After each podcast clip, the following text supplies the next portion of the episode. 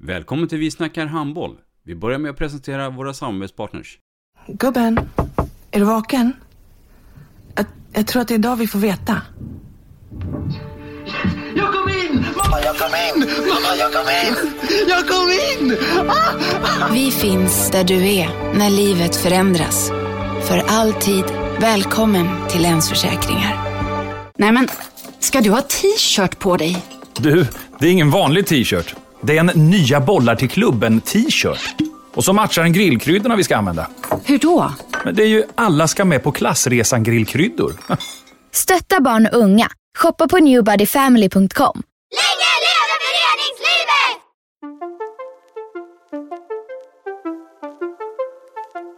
Välkommen säger vi till dig som lyssnar till den nya handbollspodden Vi snackar handboll med Robban Z och Matte.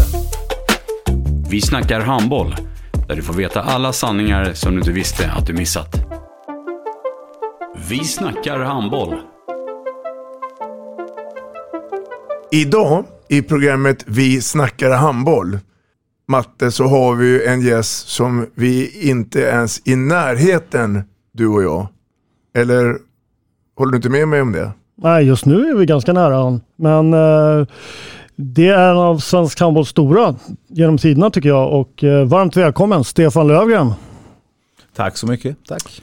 Lars Stefan Lövgren, 21 december 1970 föddes du. Vem är Stefan Lövgren? Ta oss igenom de här åren. De, jag är ju fyllda över de 50 i alla fall eftersom du läste upp mitt födelsetal. Eh, nej, men är väl en idrottsintresserad eh, person som växte upp med en äldre bror och en yngre syster och mamma och pappa som också var idrottsintresserade. Fyra mil utanför Göteborg i ett litet samhälle som heter Skepplanda var man idrottsintresserad och var intresserad av bollar så spelade man väl fotboll på sommaren och handboll på vintern. Kanske mer än vad man gör idag. Och eh, på den vägen är det och intresset eh, för de sporterna eh, fanns i hela min ungdom och i senare ungdomsåren så, så tog jag ju chansen och fick möjligheten att komma till RIK. Mm. Var det självklart att det blev handboll eller var, fotbollen, var du talangfull i fotboll också? Hade lekt med tanken hur långt du hade kunnat gått inom fotboll? Nej, det har jag inte gjort eh, faktiskt. Utan, eh, eh jag, jag, hittade nog rätt i handbollen tror jag. Eh, fotbollen var väl mest för att man var intresserad av bollar, att det var det som var på sommaren. Men, eh, och så var det ett sammansvetsat gäng, som det ofta blir i en, en mindre ort. Eh, så är det väl samma gäng som går från handbollen till fotbollen eller tvärtom. Mm. Hur, hur var Stefan Löfgren som skolelev? Tror att jag var ganska, det jag vill minnas i alla fall, är att jag var ganska eh, någonstans medel på det mesta tror jag. Eh, gled med och gled igenom skolåren. Gjorde nog inget större väsen av mig eh, åt något håll tror jag faktiskt. Men hade heller inget problem med skolan. Tyckte att det var ganska angenäm tillvaro om jag ska vara helt ärlig. Mm, mm. Du, eh, Skepplanda BTK, det är ju en härlig förening. Men är det ingen världsstor förening. Berätta lite grann om, om den klubben. Ja, BTK kan man väl börja med för det är ändå bordtennisklubb. Aha. Det är ju lite kul och det var en förening som i sina glansdagar hade även ishockey och lite annat eh, i sin. Nu finns ju tyvärr inte alltid där kvar men, men eh, klubben finns kvar. Och eh, som sagt det var ju en lite av navet om man var idrottsintresserad om man växer upp på en liten ort. Eh, som, som jag gjorde. Jag var faktiskt tillbaka här för precis innan jul när de hade en liten träff med sponsorer och så vidare var jag inbjuden och, och var med där. Så att de banden finns fortfarande och mina föräldrar bor kvar fortfarande. Så att eh, det ligger mig varmt om hjärtat. Och, och sporthallen då som, som eh, du förmodligen ägnar mycket tid. Håller den eh, Peter Genses arenakrav? Ja, då får Peter Gense sätta arenakrav för lägre divisioner ja. också. Det är ju modellen Barracuda fast den av eh, inte uppblåsbart mått utan en hård hall som låg eh, och ligger idag tillsammans med simhallen också i Skepplanda. Så att, eh, men det räckte gott och väl för det som vi hade för oss när vi spelade handboll. Mm. Det var ju så att du spelade där och du spelade med klubbens A-lag eh, i division 3. Ja, det stämmer. Var du en lysande stjärna då eller var det någon som sa att den här killen, han kan vi... Var du bättre än brorsan? Eh, jag spelade faktiskt samt, tillsammans med både min far och min bror eh, i samma lag då i division 3 där och eh, jag var ju då som sig bör med en äldre bror och en pappa yngst och var väl yngst i laget så att eh, det var väl någon blandning av att eh, man hade visat framfötterna men sen så fanns det ju inte kanske en återväxt av jättemycket spelare heller Nej. så att man fick ju ganska lätt chansen. Men eh, det var en härlig utmaning i alla fall jag kommer ihåg bara positiva minnen av, av den perioden också. Mm. När du sen tog, eh, avslutade grundskolan så blev det gymnasium. Och på den tiden så fanns det inget, som det heter idag, då, handbollsgymnasium med NIU och, det.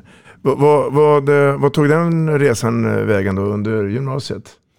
Ja, men gymnasieperioden var ju eh, i Kungahälla gymnasiet då i Kungälv för det fanns ju inget närmare, eh, geografiskt närmare gymnasium. Jag kunde valt eller gått till Göteborg men jag valde då Kungahälla eh, för att det var som sagt avståndet var lite bättre. Eh, och sen fortsatte väl skolgången på sitt sätt och handbollen i, i Skeppland också. Även om det fanns lite intressanta förfrågningar, tyckte jag, intressanta förfrågningar på den tiden men, men inte förrän det var RIK som kom och frågade då. Mm. Och du hamnade i RIK 1990 till 98. Uh, eh, vi har hört många historier om RIK. Och nu ska vi föra en till. För jag misstänker att den här tiden under åren i RIK är nog kanske den bästa hos dig. Ja, men den har ju starkt präglat eh, mitt handbollsliv, det måste man ju säga. Samtidigt så har ju alla perioder gjort det. Den perioden i Skepplanda ska man ju säga, hade man aldrig haft glädjen med ungdomsidrotten som de ledarna stod för så hade man ju aldrig fortsatt. Så det, det har ju sin plats. RIK fick man ju lära sig vad som krävdes och eh, hur mycket man egentligen klarar av att träna men också hur man i vårat fall tänker handboll. Eh, på RIK sätt tänker handboll. Eh, sen var det ju olika delar i den tiden. När jag kom till RIK så var det ju så att man inte hade vare sig ekonomin eller den kanske största attraktionskraften som man kunde ta de absolut mest lysande stjärnorna. Utan man fick eh, kanske leta på hylla två eller tre. Eh, och, och där var det väl någon då eh, som eh, hade sett mig och jag fick den möjligheten tillsammans med några andra kända namn som, som Gensel redan nämnd och Jerry Hallbäck och Jomi Vranjes och så vidare. Så att det var en ganska tuff start och, och man spelade i, i eh, den lägre delen utav, eh, av ligan innan vi fick den utvecklingen som vi fick och sen då blev det några år i den övre, översta delen utav ligan också. Och de här duellerna mot Drott bland annat.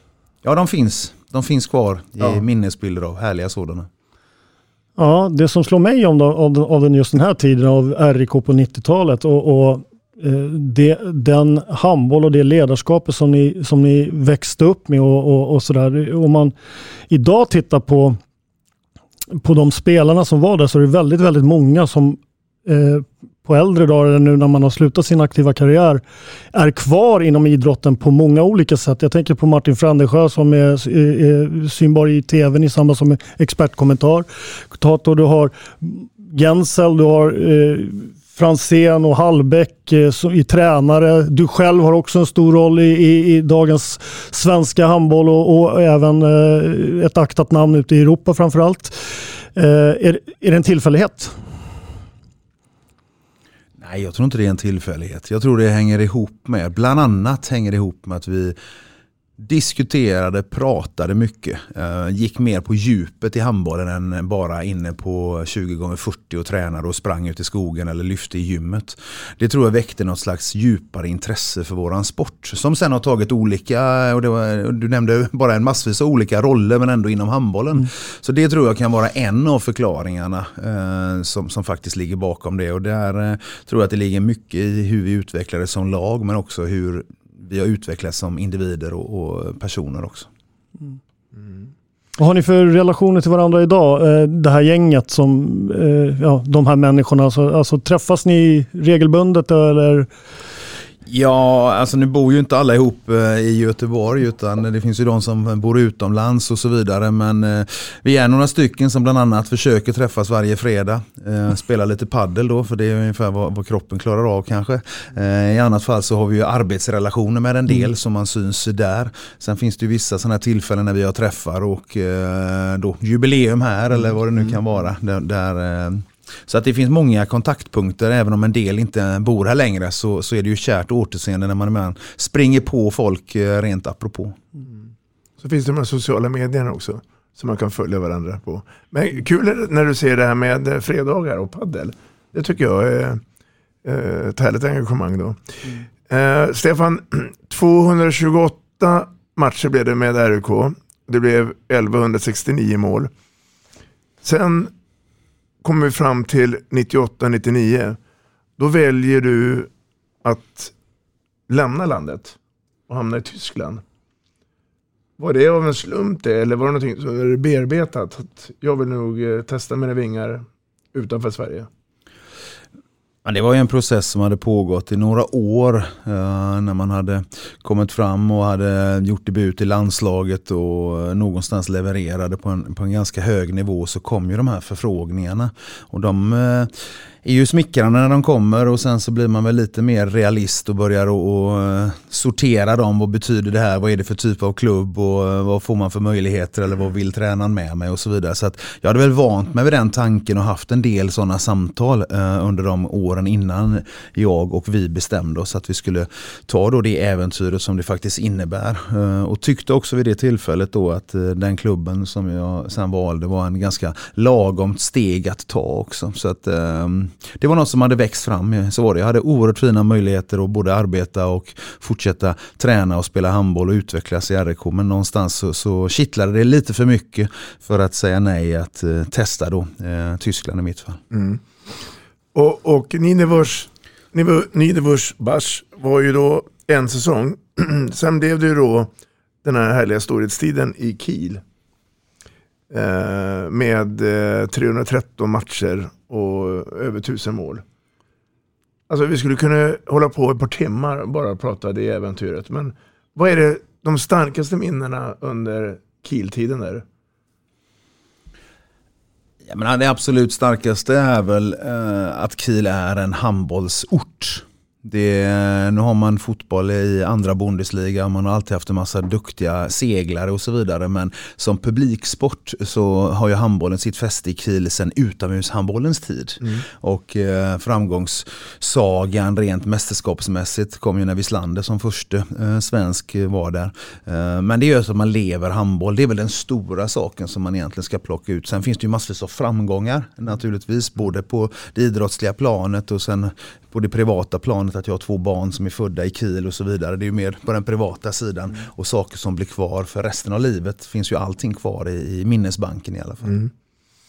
Och, och, Vi pratar ju gamla minnen med de svenska kompisarna. Har, har du massa tyska vänner eh, sen den tiden som du också håller kontakten med?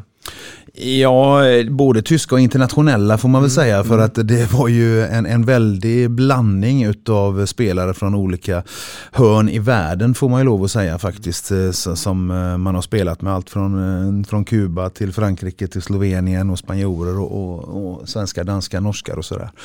Och tyska naturligtvis. Så att man har ju kontakten. Många av dem, eller nästan ingen av dem, bor ju kvar i Kiel längre.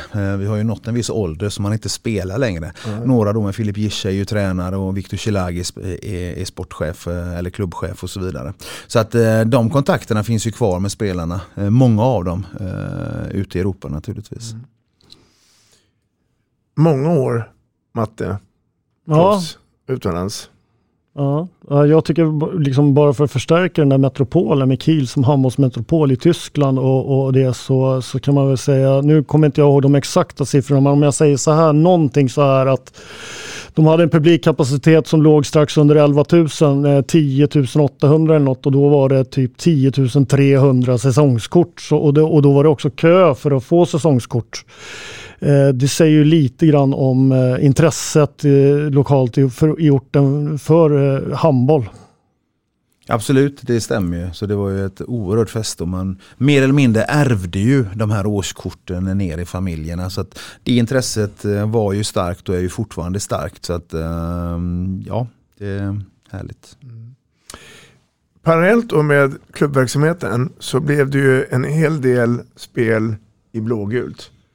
Men det mest anmärkningsvärda, vilket du har säkert hört hundra gånger, så står det i statistikböckerna noll u-landskamper. Men det står 268 A-landskamper. Hur är det möjligt? Du har hört förmodligen det här förr och du får berätta den en gång till. Men det här måste jag säga är en prestation som ingen kommer slå. Um, ja, ja, faktan stämmer ju eh, i vilket fall och den hänger väl ihop med att eh, jag inte eh, var den betecknade talangen, hur man nu ska använda det uttrycket, när jag var i den yngre åldern. Jag utvecklades sent, både i puberteten som sådan men även som handbollsspelare. Så att jag var inte med Eh, eh, precis som du säger, i någon av ungdomslandslagen utan eh, vaknade till liv lite senare. Och eh, kan väl idag se naturligtvis eh, vikten av de här regionala uppsamlingshiten för de som inte kom med första gången eller andra gången men som utvecklas senare eller eh, har en inre motivation som kanske är större än det som kommer utifrån. För det tror jag är oerhört viktigt och är en av mina större styrkor. Men ehm, det gick ju ganska bra ändå får man ju lov att säga. Så att att, eh, Mycket men, bra. Ja, men eh, det stämmer ju att jag inte var, jag var inte ens i närheten ska jag säga heller. Så att det var inte så att jag, jag trillade av som sista spelare utan jag var, jag var inte med. Eh, så, så var det. Och med, med rätta får man väl ändå säga kanske. Mm. Det är ganska skönt att få ha den ändå. Att man var inte i närheten. Nej, när man men, gått den eh, långa vägen. Här kan man prata om går den långa vägen. Absolut, och det, framförallt så tycker jag att det ger hopp för de alla de som tror att man måste komma med i Sverigecupen eh, som eh, 15-åring och att man eh, måste vara med på riksläger och måste vara med i JO och måste vara med i EU. Att det finns andra vägar till att nå den absoluta världstoppen. Eh, det kanske är vanligare att ta den resan via de här uh, olika instanserna men uh, det går även att gå den långa vägen och det är du ett lysande exempel på. Mm. Ja. Ja, men jag, tror, jag tror det är viktigt verkligen att belysa det för, för ungdomstränare och för systemet som sådant. Att man inte glömmer av det. Mm. Eh, och, och, för ungdomarna själva. Eh, att man verkligen känner det. Att det, tiden tas i mål och förhoppningsvis ska man hålla på med sin handboll eh, hela livet. Mm. Och det är ju inte heller eh, speciellt många som kanske tar sig till landslaget bara. Men att fortsätta och utvecklas som person. För det gör vi ju inom idrotten. Och det, det, det, jag vet bara inte hur man ska få över det och få ner det till ungdomarna så att man ska tycka att det är så. Inte som att det säger liksom känna att jag kommer inte med och nu slutar jag. Mm. För att det händer grejer senare. Så att eh, Samhället är ju så idag att det ska också gå ännu fortare. För på din tid när du växte upp eh, i RIK så, alltså jag vet ju att ett, ett av ryktena var liksom att de plockade unga talanger lokalt, alltså dig från Skepplanda och eh, de tog Jerry från Mölndal och, och vad det nu är för någonting. Men sen så var det liksom att eh, komma till RIK och, och göra sina hundår på bänken innan man fick speltid och sådana saker. Och det, riktigt det tålamodet har ju inte dagens ungdomar utifrån vad samhället har att erbjuda. Eh, så att tiderna har lite grann förändrats men det är viktigt att poängtera att just sådana här historier då för ungdomar att, att det liksom kommer fram. Att det går att gå andra vägar. Absolut. Och det är ju, ingen, det är ingen, det är ju ingens fel och det är ingen, inte lätt att komma mm. till rätta med det. Men man, kan man sprida det så tror jag många kan eh, få hjälp av det i alla fall. Mm. Såväl ledare som även föräldrar kan behöva tänka på det här emellanåt faktiskt. Mm. Vem vet då, om, om det är nu så att vi tror att många är stressade idag och, och vill ha framgångar snabbt. Men om vi skulle sitta här om 15 år så kanske vi har backat tillbaka och, och man inser då att, att uh, allting behöver inte gå blixtsnabbt. Ni, ni, har ju en jättepoäng i det ni har precis sagt. Jag vill påstå att det är stressen som gör att man, uh, man har inte riktigt tålamodet i det hela. Däremot så hade du Stefan tålamod i blågult och landslaget och Bengan Boy och så vidare och så vidare. Om jag nu ska rabbla upp alla medaljer så eh, är det här programmet nästan slut. Jag väljer att du ska få berätta ett par starka minnen från den här tiden. Jag tänker när du gjorde din debut. Jag tänker också när du känner att det här var en av mina bästa landskamper. Alltså du skulle backa tillbaka. Och jag tänker på händelsen 96 i Atlanta. Väv ihop de här sakerna. Jag tänker på segern i Globen också. Eh, mot Tyskland i en rafflande, men vi kan ta dem från början. Det är fyra grejer då. Du får Absolut. en extra av mig.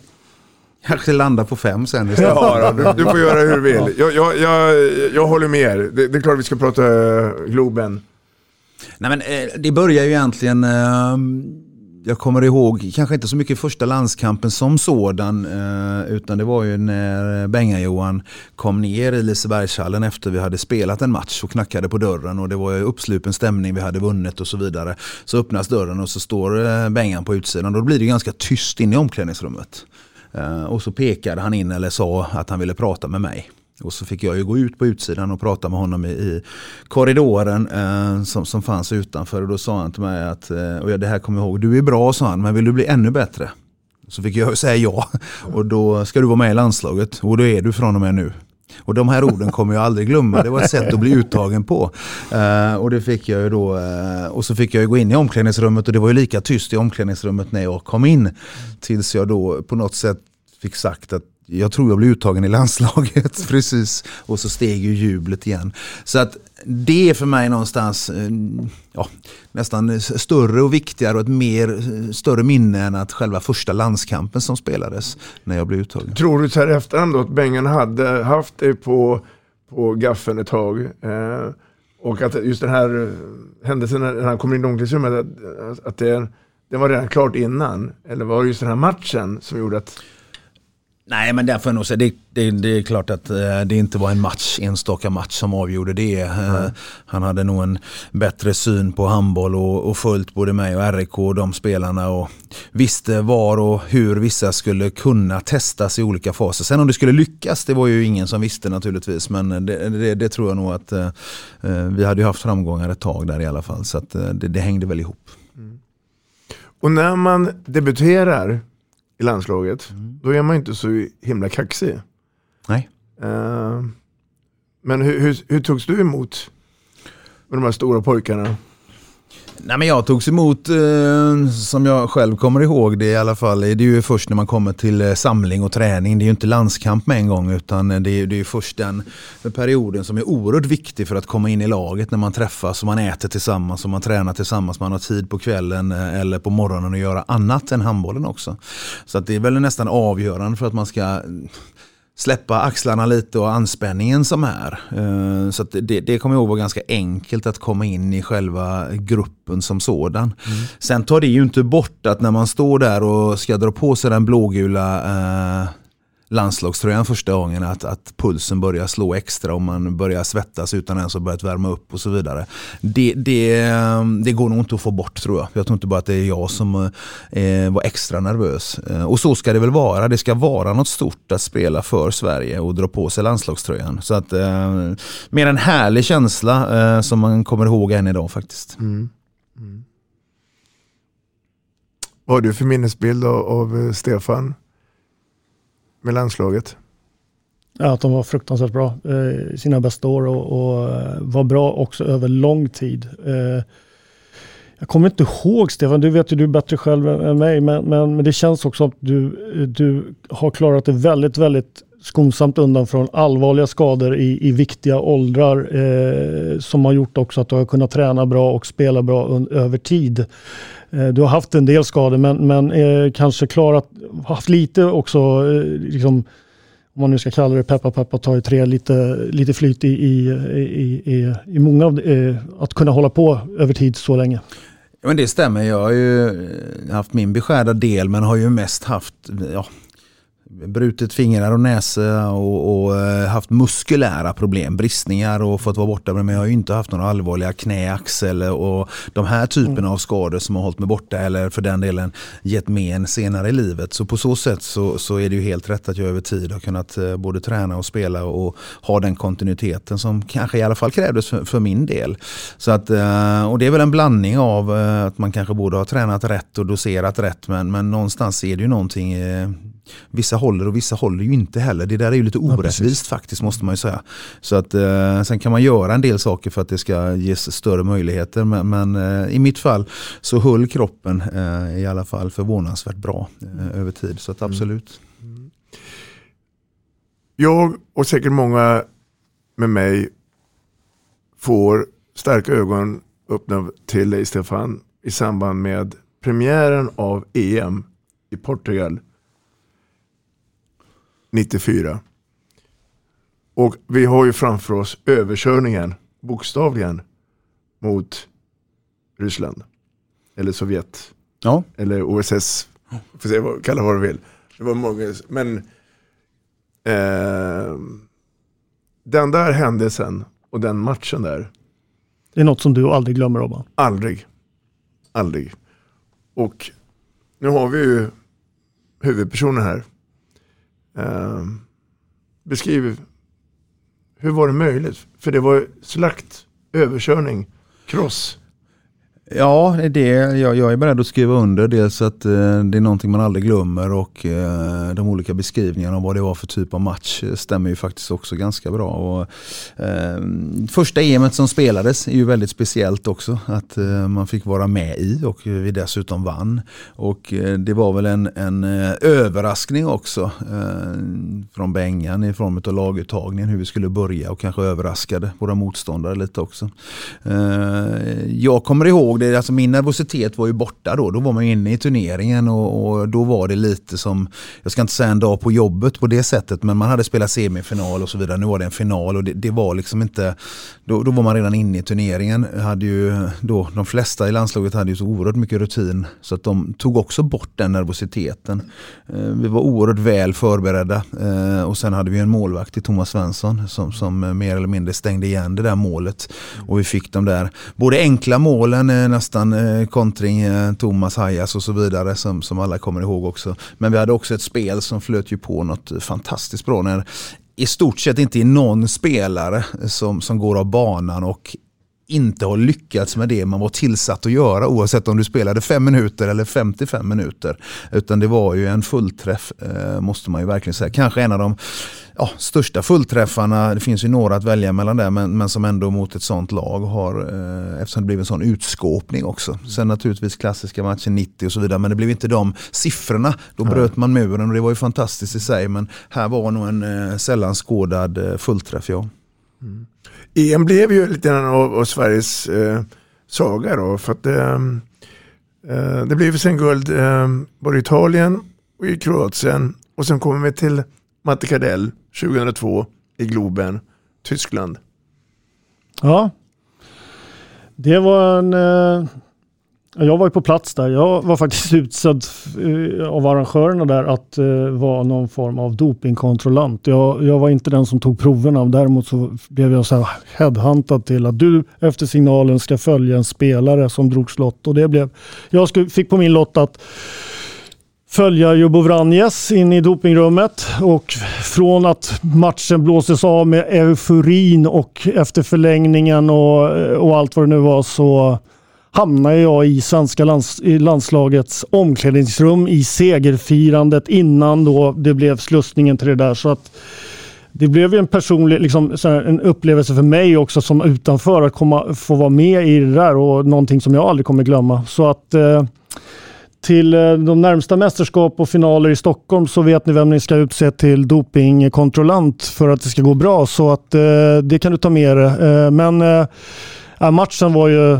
det var ju sån dramatik så det var eh, sanslöst. Med, man trodde att tyskarna skulle vinna det med sista timeouten i ordinarie, eh, ordinarie tid. och mål och, och tyskarna skulle göra ett snabbt avkast och försöka och jo, var det Johan Pettersson som rev ner någon vid mittcirkeln så att Sverige fick börja förlängningen med en spelare mindre och ändå lyckas, lyckas på något sätt eh, ja, vara bäst när det gäller i slutet och, och, och lyckas dra hem den segern. Och Ja, det fanns mass, massor med minnesbilder. Staffan Olsson som Stockholmskille fick springa med armarna utsträckta runt, ville ta hela Globen i sin famn. Och, ja, det var ruggigt, en ruggig eufori i hela, i hela Globen vill jag säga. Och jag kan nog tänka mig att för er som var spelare också var det nog också en, en dröm som gick i uppfyllelse, eller vad säger du? Ja, var det rysningar? Ja, det får man. Jag känner ju igen, eh, inte att eh, du var med Jomi Vranjes i, i dopningsrummet, men, men eh, det här var ju faktiskt första mästerskapet också, ska jag säga, som jag och vi kände en yttre press. Mm. När du spelar ett mästerskap i utlandet eh, och du inte har samma bevakning, du märker inte av det på, som du gör idag med sociala medier och så vidare. Så var det mycket enklare. Du levde i din bubbla och så gjorde du det du skulle och så gick det ofta ganska bra. Men eh, när vi var här och man gick ut på gatan och bara skulle handla någonting eller du åkte bort till träningshallen och folk stod och hejade på gatorna och nu tar ni dem och så vidare. Det var första gången eh, under min karriär som jag kände det i landslaget. Herregud. Eh, och, och, när man sen lyckas infria de förväntningarna att spela för Sverige i Sverige och vinna dessutom då som vi gjorde i Globen med sina nära och kära på läktaren tillsammans med eh, 12 000 andra. Och eh, mot Tyskland i det här fallet, vilket eh, ju var eh, där jag bodde och verkade. Det var ju något väldigt, väldigt speciellt. Förutom att det blev förlängning och matchen svängde som den gjorde. Så att eh, det var mycket känslor och, och eh, som skulle ut och jag, jag håller med dig. Staffan kunde nog tagit Globens alla åskådare i sin famn när han sprang med sina utsträckta armar där, det tror jag. Mm. Ja, det är en fantastisk minne. Uh, och allt det här har ju inte kommit över en natt. Det är ju mycket arbete runt omkring. Och då kommer vi in på det här med ledarskap och era hysch-hysch eh, mellansamlingar. Och det. Eh, men det kommer ju också eh, det kommer både motgångar och framgångar givetvis. Då, och, och hur, hur kunde du vara med i, i den gruppen sen och, och, påverka det här och, med, med resten av gänget? Att, uh, att fortsätta bibehålla den här gruppen, för det, det var en grupp som lyckades. Eller? Ja, det är absolut en grupp, en stor grupp. Eh, det är ju även, de tillhör ju gruppen, de som var med och bidragit innan framgången mm. också. Det ska man ju aldrig glömma. Som har varit med och lagt grunden eh, till alla de här framgångarna. Där kanske Ragge då är det mest lysande exemplet. Men det finns ju också spelare som har varit med. Det finns ledare som har betytt och så vidare. Som, som då kanske inte fick vara på inneplan där i Globen den dagen. Men, men, så det är väldigt, väldigt många. Eh, men det är klart att det är en grupp och det var väl det som också var Sveriges styrka tror att vi verkligen uppträdde som ett lag då, eh, mer än de här individuella stjärnorna. Vi visste på den tiden att mötte man då, eh, ja, om nu Dushibayev spelade i Spanien eller i, i något av de ryska lag, men skulle det avgöras i slutet så var det han som skulle avgöra. Mm. I Sverige var det inte riktigt på samma sätt, det fanns mm. det fler. Ena gången var det Pia Thorsson som skruvade in och sen var det en Vranje som tråcklade sig igenom eller en Staffan Olsson som sköt och så vidare. Så att den typen eh, tror jag som, som lagspel som vi hade och och eh, där jobbar ju Bengan oförtrutet med det naturligtvis. För det är skillnad. Alla som spelar i ett landslag är ju mer eller mindre, eh, ska vi kalla det stora stjärnor då, i sitt klubblag och spelar sina jag vet inte, 50 minuter i varje match. Mm. Men sen kommer du till ett landslag och där eh, är det ju faktiskt bara sex av, som, som står som utespelare plus en målvakt och resten får ju oftast ha lite mindre speltid och då måste man underordna sig och tycka att gör jag det här för laget så har vi störst chans att vinna. Och det jobbade ju Bengan något oerhört med tillsammans med laget och ledarna. Och det tror jag var eh, väldigt, väldigt avgörande. Mm. Om du eh, får sista ordet när det gäller landslaget här. Vad är det starkaste minnet du tar med dig av alla de här framgångarna? Är det något ögonblick där som vi kanske inte ens varit inne på? Ja, det man inte har varit inne på då, för det, det, är klart att det är ju svårt att bara nämna ett ögonblick. Om man mm. har gjort liksom, det är speciellt att få dra på sig landslagströjan som jag sa. Det var speciellt att vinna i Sverige, för Sverige. Eh, men överhuvudtaget sen att få delta i ett OS. Mm. Eh, är oerhört speciellt med sättet man lever med alla andra olika idrottare och så vidare. Där har inte den framgången när man har vunnit ett OS-guld men jag har ändå stått i OS-finaler även om jag har förlorat dem. Men det är ju kanske en av de där minnena som kommer att finnas kvar för resten av livet som inte är förknippat med en vinst. Mm. Och det tycker jag är ändå lite häftigt. Mm. Jag var ju inne på det förut, Atlanta-OS 96 så blev det ett silver och, och, och, där var ni ju så pass nära. Eh, och eh, jag vill inte säga att man har förlorat guld, jag tycker fortfarande man har vunnit ett silver. Sen förstår jag att eh, då var det fruktansvärt jobbigt att åka hem med en silvermedalj istället för en guld. Då. Men prestationen historiskt, den kommer aldrig någon kunna ta bort från er. Det är jag helt säker på. Ja, nej men alltså det, tyvärr så är det ju så med, jag håller ju med, silver eh, trodde man väl liksom med, med, åren, med årens gång att ett silver eh, kan man nog glädjas åt, men jag tror att är det något silver eh, oavsett idrott eh, som, som sitter som en tagg i hjärtat, både hos de som var aktiva på den tiden eh, och för oss eh, handbollsentusiaster i, i det här riket så, så vet jag satiken om man, man glömmer det där någonsin. Man hade alltså det kändes så jäkla, om man säger upplagt för att... Jag trodde, jag var helt säker på att Sverige skulle vinna guld innan, innan finalen. Jag var helt säker på det, för de hade gjort en sån fantastisk turnering. Och så blir det den där katastrofala starten på matchen och, och, och man jobbar sig tillbaks och är så ytterst, ytterst nära. Och det kändes liksom, ja, det, var, det kändes skit helt enkelt. Även för oss som, som, som, som inte var där. Eh, för oss svenskar. Mm. Eh, det är väl det som, ja, jag tror att det det är en tagg som sitter på hela handbolls-Sverige fortfarande. Mm. Du höll på fram till 2007. Ja.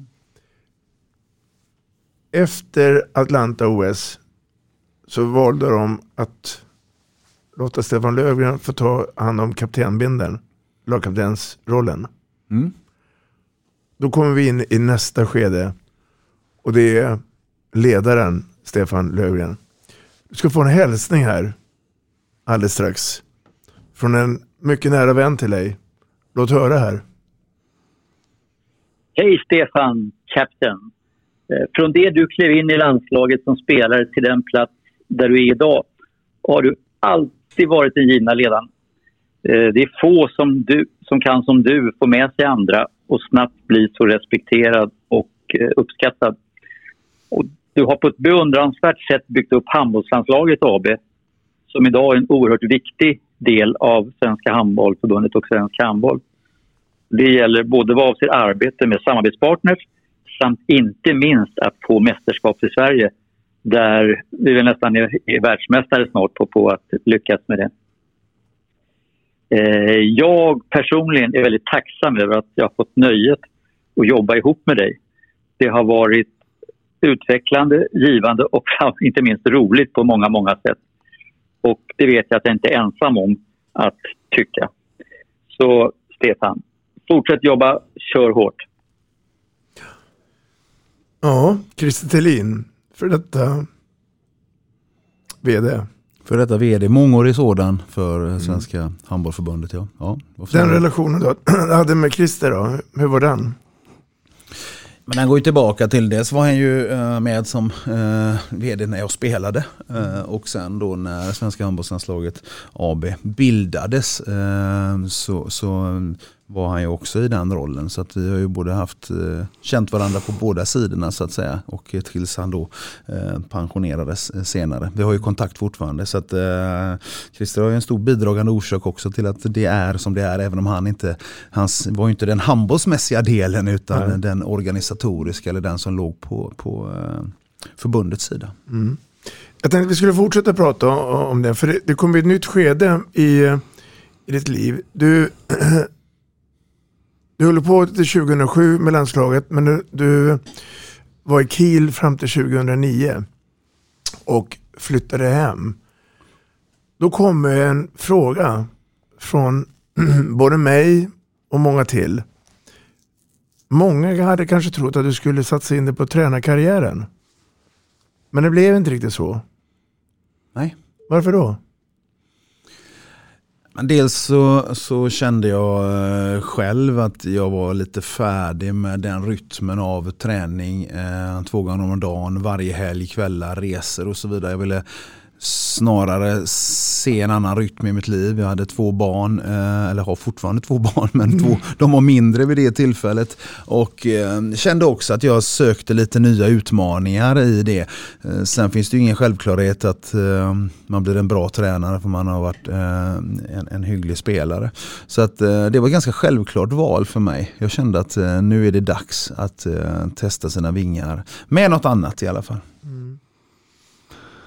Ja, jag tror att du hade, om han hade slagit an på tränar, eh, tränarinriktningen så tror jag att han hade blivit en lysare, lysare tränare. Men eh, jag tror att, eh, att han ändå med facit i hand har eh, gjort rätt vägval för att jag tror att han har ingen annan hade kunnat göra det jobbet eh, inom svensk och i, inom internationell handboll och haft en betydelse med de kontakterna och det som, som, som Stefan har. Så jag tror att det blev rätt i alla fall för, eh, för honom själv och för i det jobbet som han har gjort för, ja, för svensk handboll men även för ja, europeisk handboll med kontaktnät och sådana saker. Och det är ändå fortsatt en form av ledarskap han har jobbat med. Mm. Det får vi inte glömma. för att äh, ta oss igenom då, nästa steg i, i uh, livet här då. För då, då, då kommer den här möjligheten att jobba för svensk handboll. Berätta hur, hur det gick till. Jag jobbade ju för TV4 under den perioden eh, där VM skulle arrangeras i Sverige 2011. Och då hade ju samtidigt Hans Westberg tagit över ordförandeklubban. Mm. Och tillsammans med Anders Nissen som också var med i VM 2011 så hade de väl eh, ett annat näringslivs tankesätt att se på organisation och struktur och så vidare. Sen blev, och det blev ju också ett beslut från eh, Svenska handbollsförbundets styrelse att man skulle organisera VM 2011 i, i bolagsform och inte som då tidigare i, i förbundets egna struktur. Där alla hade gjort ett jättejobb men mer eller mindre så hade ju andra delar såsom vad vet jag, utbildning och rekrytering fått stå på vänt lite grann för man har lagt all kraft åt det. Så i det här fallet så tog man det beslutet. Nu blev det ett superlyckat VM 2011 mm. ehm, och då tog man ju ett nästa beslut och det var ju att permanenta lösningen att ha ett bolag som jobbar strikt med de kommersiella frågorna egentligen. Alltså allt från sponsorer, tv-rättigheter, söka mästerskap och så vidare. Och eh, då fick jag frågan utav, av Hans och utav Anders vid det tillfället om jag var intresserad av att eh, vara med på den resan helt enkelt. Mm. Eh, vilket eh, jag sedermera tackade ja till, hoppade på och har inte kommit därifrån. Mm. Och det är ju en fantastisk resa eh, som du har gjort där i det hela. Och, och massa då nya kontakter. Både i, i Sverige och utomlands. Ja, jag, jag, tror inte heller det var någon kanske som riktigt visste vad vi gav oss in på om man ska vara helt Nej. ärlig. Det är lätt att ha ett papper framför sig och säga så här ska det bli. Men, men eh, det var ju lite ny mark att ett förbund som är fortfarande chatt idag äger ett, ett bolag till 100%. Bara det var ju en utmaning och ingen riktigt visste eh, vad som gällde. Eh, sen startade vi om lite från, från noll med, med strategier och tankar vad det gällde det som ryms inom uppdraget. Då. Mm. Så fanns det ju en viss utmaning att förklara namnet Svenska handbollslandslaget AB låter ju också som vi ansvarar för landslagen helt och hållet, vilket vi absolut inte gör. Vi ansvarar för eventen och sponsorerna och så vidare. Den sportsliga delen har vi ingenting med att göra. Mm. Um, så, så det, det, tog väl ett tag innan det satte sig, men samtidigt så var det ju uh, väldigt rolig resa. Uh, även om det var mycket okänt i den så fick man ju vara med och uh, verkligen gestalta vägen mm. med, med, strategier och utförande och det, det, gillar jag, det gillar jag skarpt. När ni gjorde den här analysen och sammanfattningen av 2011 och blickade framåt då. Eh, hur, hur, gick det resonemanget då? då? För jag misstänker att man fick lite blodad tand och ville söka nya mästerskap. Jag var inte med och gjorde utvärderingen av 2011 ska sägas, Nej. för då, då, var jag inte anställd än. Men eh, i den utvärderingen så kom ju bland annat då det här att man skulle bilda och ha ett bolag kvar. Eh, men också ganska snart eh, med, med, utvärderingen som grund så eh, la ju Svenska handbollsförbundet sin strategi fast att det var att man vill vara återkommande arrangör av de stora internationella mästerskapen. Så det beslutet tog man ganska snabbt därefter mm. eftersom det hade varit så lyckat också. Och och att man eh, såg också att det fanns massvis av vinster. Ja, ekonomiska men det finns också vinster i att media, högre mediafokus, fler ungdomar framförallt som vill kanske testa på handboll ute i föreningarna i hela Sverige och så vidare. Så att man såg hela den positiva effekten som också inte belastade den övriga verksamheten när man hade organiserat det på det sättet. Det tror jag var avgörande. Mm. Så det, det var två viktiga beslut som togs efter VM 2011. Mm. Vad tänker du Matte? Nej, jag tycker alltså det är intressant att höra den, eh, absolut den, den resan och, och, den vägen som, som svensk handboll har tagit och jag tror ju på den modellen. Eh, att, att vi ska ha många mästerskap, framförallt på hemmaplan och att de arrangemangen ska vara de absolut bästa i världen när vi väl har dem. Och jag tror, tror också det är ett, ett vinnande koncept för att få fler och fler eh, arrangemang. Eh, mm. det tror jag. Eh, sen har vi sett det i massa andra, jag har i alla fall sett det i något annat sammanhang och jag vet ju, jag har ju varit en flitig besökare nere i Köln på Final Four och där har du också haft din roll i samband med finalspelet där nere. Kan du berätta lite om det? Ja, eh, och det var ju när jag spelade så fanns ju inte Final Four. Utan eh, då var det ju klassiskt manér Europacupfinal hemma och borta på den tiden. Eh, sen hade ju tyska kuppen sedan många år tillbaka hade ju ett Final Four. Och det sneglade ju lite Europeiska handbollsförbundet på.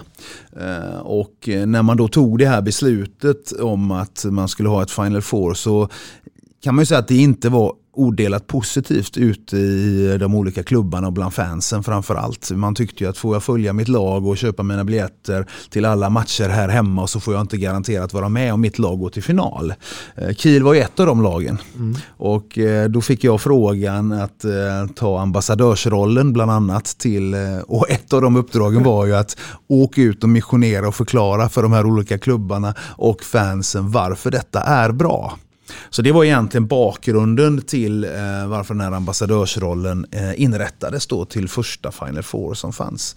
Så att det uppdraget eh, hade jag då i, i fyra år måste jag tänka efter. Men mm. egentligen hade man inte behövt ha det mer än ett år. För efter år ett så var det ju den smällkaramells-succén mm. som det fortsatt är idag. Även om vi har sett nu Final Four med, med eh, utan publik då tyvärr. Mm. Men, men eh, det har ju blivit ett oerhört lyckat evenemang. Eh, och sen har ju även damerna då tagit över konceptet som sådant. Så det mm. finns ju på både dam och herr och även i andra kuppformat nu. Så att, det var bakgrunden. Men det är en av de häftigaste eh, inomhusupplevelsen jag tror man kan ha i idrott. Eh, Men eh, är det så när det gäller Final Four att eh, man får ansöka om arrangörskapet? Eller är det sagt att det ska ligga i Tyskland?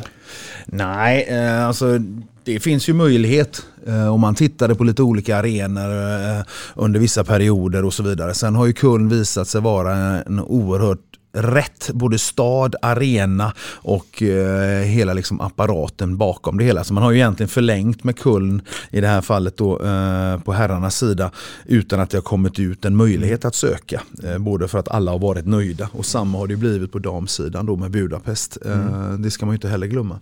Så att, eh, men det fanns diskussioner om att det skulle åka runt och så vidare. Sen finns det ju en fördel att ha en, och det ska inte säga att det är en fast nu för all framtid, men det finns ju en fördel att ha samma arena träna och lära mm. sig av det tillsammans med organisation och för publik. Mm. Det är ju många som har varit där väldigt, väldigt många gånger och alltid kommer tillbaka. Mm. Apropå det här med att jobba i förbundet eh, och eh, Europeiska förbundet då, då så eh, ska du få en hälsning till från en, eh, en god vän, tror jag, till dig. Hej Stefan, det här var Claes Hellgren. En människa som jag beundrar verkligen dig, Stefan. För du har, gjort en sån otrolig resa eh, genom handbollsvärlden. Och jag skulle vilja ställa några frågor. En av dem är, hur tänkte du eh, när du orkade fortsätta att träna så hårt trots att du inte var med i U och J-landslag? Vad hade du för, för tankar som gjorde att du orkade för att sen ta steget när man var färdig så att säga vid 20 års ålder och bli världens bästa, vilket jag tycker du blev. Den andra frågan är, hur hanterar du alla de här sakerna som uppstår när man jobbar på en annan nivå, nämligen på förbundsnivå, på internationella förbundet. När man, man vill så mycket, men att det är så trögt och tungrot i de organisationerna. hur tänker du? Mm, Claes Hellgren. Den första frågan, den, den har vi egentligen betat av lite grann. Men, men eh, om du ska ge ett svar till Claes då. Jag tror jag var inne på den när jag pratade om eh, Skepplarna BTK ungdomstränare. Uh, dels den glädjen som jag tycker man har ett ansvar som ungdomstränare att förmedla till dem man har. Inte bara lära dem handboll utan också uh, lära dem att ha med glädjen och hitta den till sin, till sin sport eller vad det nu är man håller på med. Det tillsammans med min inre drivkraft att ändå vilja bli så bra som möjligt hela tiden och det tar ju aldrig slut. Det ändrar ju sig bara efterhand. Mm. Hittar man det så tror jag man, man på ett i alla fall enklare sätt kan tackla motgångar. Nu såg inte jag det riktigt som en motgång att jag inte var med i något ungdomslandslag för jag var flera steg därifrån. Mm. Så, så, att på så sätt, men det har ju funnits andra motgångar, förluster och skador på resans gång. Så att eh, det, det är väl eh, samma svar ändå. Mm. Och sen var det ju hans fråga när det gäller trögjobbat inom förbundet. Ja. Um, det första jag fått lära mig är att eh, jag kanske också tyckt när jag stod utanför att tycka fan vad långsamt och trögt allting är. Men när man väl kommer på insidan så får man ju lite får en lite större bild och förstår helheten av att, att vissa saker måste ta sin tid. Och sen finns det ju olika vi pratar både om Europeiska handbollsförbundet här och Sverige så finns det olika demokratiska processer som måste ha sin gång också. Mm. Det glömmer man ju ofta. Mm. Och så kritiserar vi vissa andra som inte har den demokratiska processen för att de tar egna beslut. Men det är ju egentligen vad man ber om emellanåt när man vill att saker och ting ska gå snabbare. Mm. Så att jag förstår frågan men jag har fått en liten annan syn när man väl är på insidan eh, och en större respekt för att saker måste ta. Sen kan vissa saker ändå gå snabbare, absolut. Det, det är ju inte det jag sitter och säger. Nej. Spännande. Eh, om vi pratar då landslag i dagsdatum och vi pratar herr och dam och vi pratar U-landslag eh, och, och, vi pratar om Sveriges roll att vara arrangörsvärd. När det gäller U-landslagen och det, eh, hur, hur, tänker du och ni att, att med jämna mellanrum söka arrangörskap även för det? Eller är det så att det, det får andra länder i Europa göra och vi lägger kraften då på seniorverksamheten? Så har det varit. Mm. Uh, och vi håller nu på att se över lite av den strategin. Vi gjorde nu i somras uh, med Scandinavian Open i Lund en liten annorlunda satsning som såg uh, för de som var nära syntes att vi gjorde mer av ett event av det och sålde rättigheter och så vidare för att se vad det kan bära någonstans. man ska klart för sig att utmaningen i ett land som Sverige där vi inte har någon statligt finansierad mästerskapsdel som man har i många andra länder så är det ju så att skulle vi bara räkna på det ett ungdomsmästerskap mästerskap så är det så att det är två, tre miljoner back att arrangera ett sådant för enda möjligheten att egentligen eh, få intäkter är att sälja biljetter. Mm. Och det tror vi inte att vi kan göra i den omfattningen. Sen finns det andra vinster med att arrangera ungdomsmästerskap. Och de håller vi på att titta lite på och eh, det är väl även där den trenden eller tendensen att titta på det med ett eller två av våra grannländer för att fördela både arbetsbörda, ekonomi och så vidare. Mm. Det är också därför vi ser att eh, vissa delar av Europa ofta arrangerar ungdoms, de som har en statlig finansiering. Mm. Som, sen gör de ett jättejobb med det. Och, samtidigt så blir det lite snedvridet när det är i stort sett sex, sju länder som är de som har de flesta seniora mästerskapen. Någonstans vill vi att det ska vara en större spridning. Det tror alla som håller på med handboll vill att det ska vara. Även om vi har varit lyckosamma så, så tror jag inte att det är en bra modell om det blir för liksom, eh, tight eh, framöver fortsatt så på det sättet. Så att vi tittar på ungdom. Jag hoppas verkligen under, under min tid i den här rollen att vi kanske någon gång kommer att landa ett eh, ungdomsmästerskap på ett eller annat sätt. Det tror jag hade varit eh, viktigt. Men, men, eh, och om, om man skulle skulle göra det, skulle du då försöka så se koppling med våra nordiska grannländer?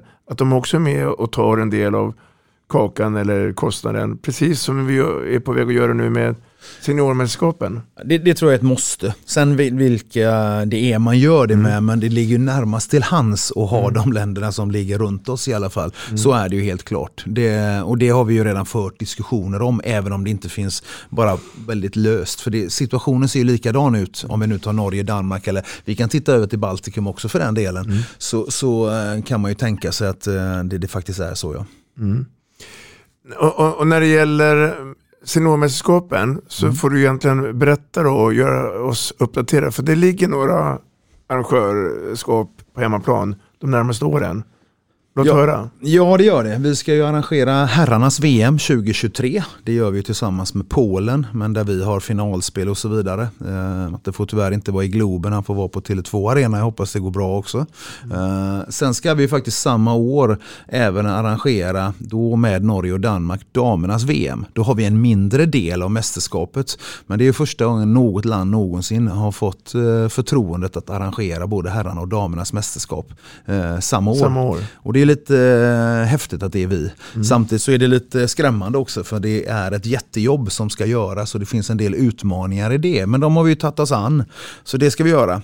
Eh, sen 2026 så kommer vi även där, och det är ju precis bara två månader sedan beslutat, arrangera herrarnas EM tillsammans med Norge och Danmark också. Där vi har en mindre del igen. Och sen 2028 är det ju damernas EM med Norge och Danmark igen. Har vi en, vin en vinnande koncept. Men även där har vi den mindre delen, det vill säga Sveriges gruppspel och så vidare. Inte finalspel då, utan det kommer att ligga i Danmark respektive Norge vid de tillfällena. Så att fram till 28 så kommer vi vara återkommande arrangör i alla fall med, får man ju säga, jämna mellanrum av eh, internationella mästerskap, VM och EM. Och, och i samband med de mästerskapen och, och där Sverige har sin del, försöker ni tänka då eh, lite logiskt vart och vilka orter man, man lägger eh, matcherna då? Ja, det finns ju ett regelverk för eh, hur stora arenorna måste vara, var de ligger eh, i förhållande till internationella flygplatser och så vidare. Så att alla städer kommer inte i fråga. En del faller bort av olika anledningar. Sen har det också med att göra med vad vi ser och tror att vi kan sälja biljetter utan att det är för nära varandra. Så man stjäl biljettförsäljning av varandra och så vidare. Så det är ett helt pussel som måste läggas. Sen har ju vi ständigt eh, kontakt med massvis av olika städer, arenor som visar sitt intresse. Men där väljer vi ju att gå in med en gemensam ansökan från början för att visa vilka städer, arenor, för vi tror på styrkan att göra det. Och inte komma in med 14 städer som sen ska bli fem eller sex utan vi väljer att göra det redan innan. Eh, Vi tror att det är ett tydligare budskap och det har visat sig vara väldigt framgångsrikt i alla fall. Mm. Det låter då Matte att du kommer ju få en hel del jobb eh, på svensk mark. som... Eh, Ja, man vet aldrig. Nej. Man vet aldrig. Men jag har en fråga vad det gäller Globen. Där. Vad, vad, du sa att man inte får använda Globen. Är det av eh, arena, hur arenan ser ut eller är det av eh, andra anledningar? Nej, man får absolut använda Globen. Vi valde Tele2 Arena Ja, ja. också för att sticka ut. Man måste ju ha någonting som kittlar lite extra när man blir så att säga jämförd med de andra kandidaterna. Eh, Det är ju så här att när man söker ett EM så är det ju alla medlemsländerna som har en röst och säga att jag tycker EM ska spelas där eller där. När det gäller eh, IOF, alltså internationella och VM, då är det ju eh, exekutivkommittén eller council som tar det beslutet. Eh, och då är det färre personer, alltså det är ju varje eh, då, kontinent som är representerad och så några till. Så det är lite olika sätt man behöver jobba för att kunna visa upp också vad har vi för koncept och så vidare. Eh, Sen ska jag faktiskt säga, och det vill jag också säga, att vi skulle ju faktiskt arrangerat eh, rullstols-EM, VM, för det var ett, eh, ett dubbelt mästerskap eh, nere i södra delarna av Sverige. Det blev ju tyvärr inställt eh, när corona slog till. Det var ju annat, ett annat mästerskap och case där, där svensk handboll bestämde sig för att man ville vara med och tror att det skulle gynna utvecklingen av parahandbollen i Sverige. Så att det är oerhört tråkigt att det inte blev av ska jag säga. Och det, det, nu vet man inte riktigt när det kommer tillbaka och så vidare. Så där, där finns inget heller. Nej. Samarbete mellan eh, Svenska handbollförbundet, Sävehof och Europeiska handbollförbundet. Jag tänker på, på European Open. Ja, det finns ju sedan många år. Eh, Har ju European Open då eh, vartannat år tjejer och vartannat år killar eh, spelats. Och det finns ju, kommer ju fortsätta göra så om inte nu covid sätter stopp för det också. Det är också en, en viktig del eh, där, där Sävehof med skylten ut, inte bara mot handbolls-Europa utan handbollsvärlden har ju satt Sverige på kartan. Det tror jag också har en bidra, eller är en bidragande orsak till att vi har fått väldigt mycket röster när vi ska ha våra mästerskap eh, för att de har en positiv eh, bild av det som de har varit med om själva eller deras ungdomar har fått vara med om när de har varit på Partille Cup. Mm. Och eh, för, ja, nu vet jag inte exakt hur många år sedan det var så har man ju då gjort det här European Open i samband med det också. Och Det tycker jag också är en, en oerhört krydda för de yngre ungdomarna från olika delar av världen att få se landslag, de, några, några av de yngre landslagen, då tjejer eller killar. Hur, hur tacklar man nu covid-19 och dess elände? Alltså, finns, det, finns det någonting att göra eller är det bara att gilla läget? Så från, från din synsätt, för det är många förlorare här ute. Ja det är väl bara förlorare uh, egentligen. Nej, men det finns ju, ingen vet ju vad som väntar runt hörnet. Nu är det ungefär ett år kvar tills mm. första matchen ska spelas i VM 2023. Och det är klart att det är något vi, vi lever med hela tiden i den organisationen som ska ha det. Samtidigt så vet du inte, det är en jätteskillnad om det är covid och inreseregler till Sverige eller om det är ett myndighetsingripande som säger vi får inte arrangera eller vi får bara ha reducerad publik. Blir det en ekonomisk konsekvens eller blir det en praktisk konsekvens? Alla de där, så det finns ju scenarier A, B, C men du kan inte hålla på längre för det här ändrar ju sig hela tiden har vi märkt nu eh, som vi alla har märkt. Mm. Så att, eh, men vi lever ju med det eh, och vi har ju sett då, eh, vi var ju det sista handbollsmästerskapet EM 2020 som arrangerades utan covid. Mm. Sen har ju faktiskt eh, Danmark arrangerat damernas EM efter det vi har haft sett i Egypten, herrarnas VM, Spanien nu damernas VM.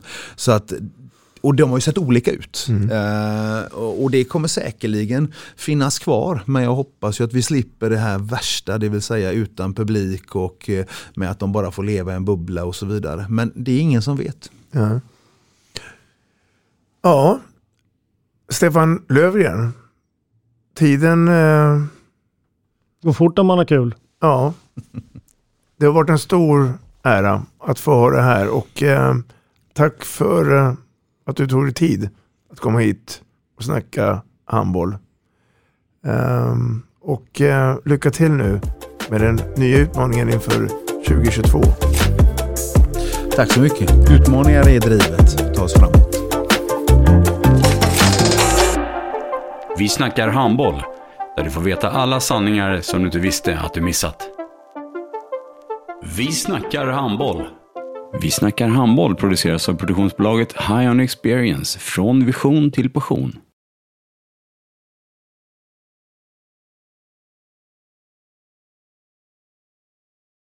Ett avslutande tack till våra samarbetspartners. Hallå! Kommer ni eller? Ja, ja.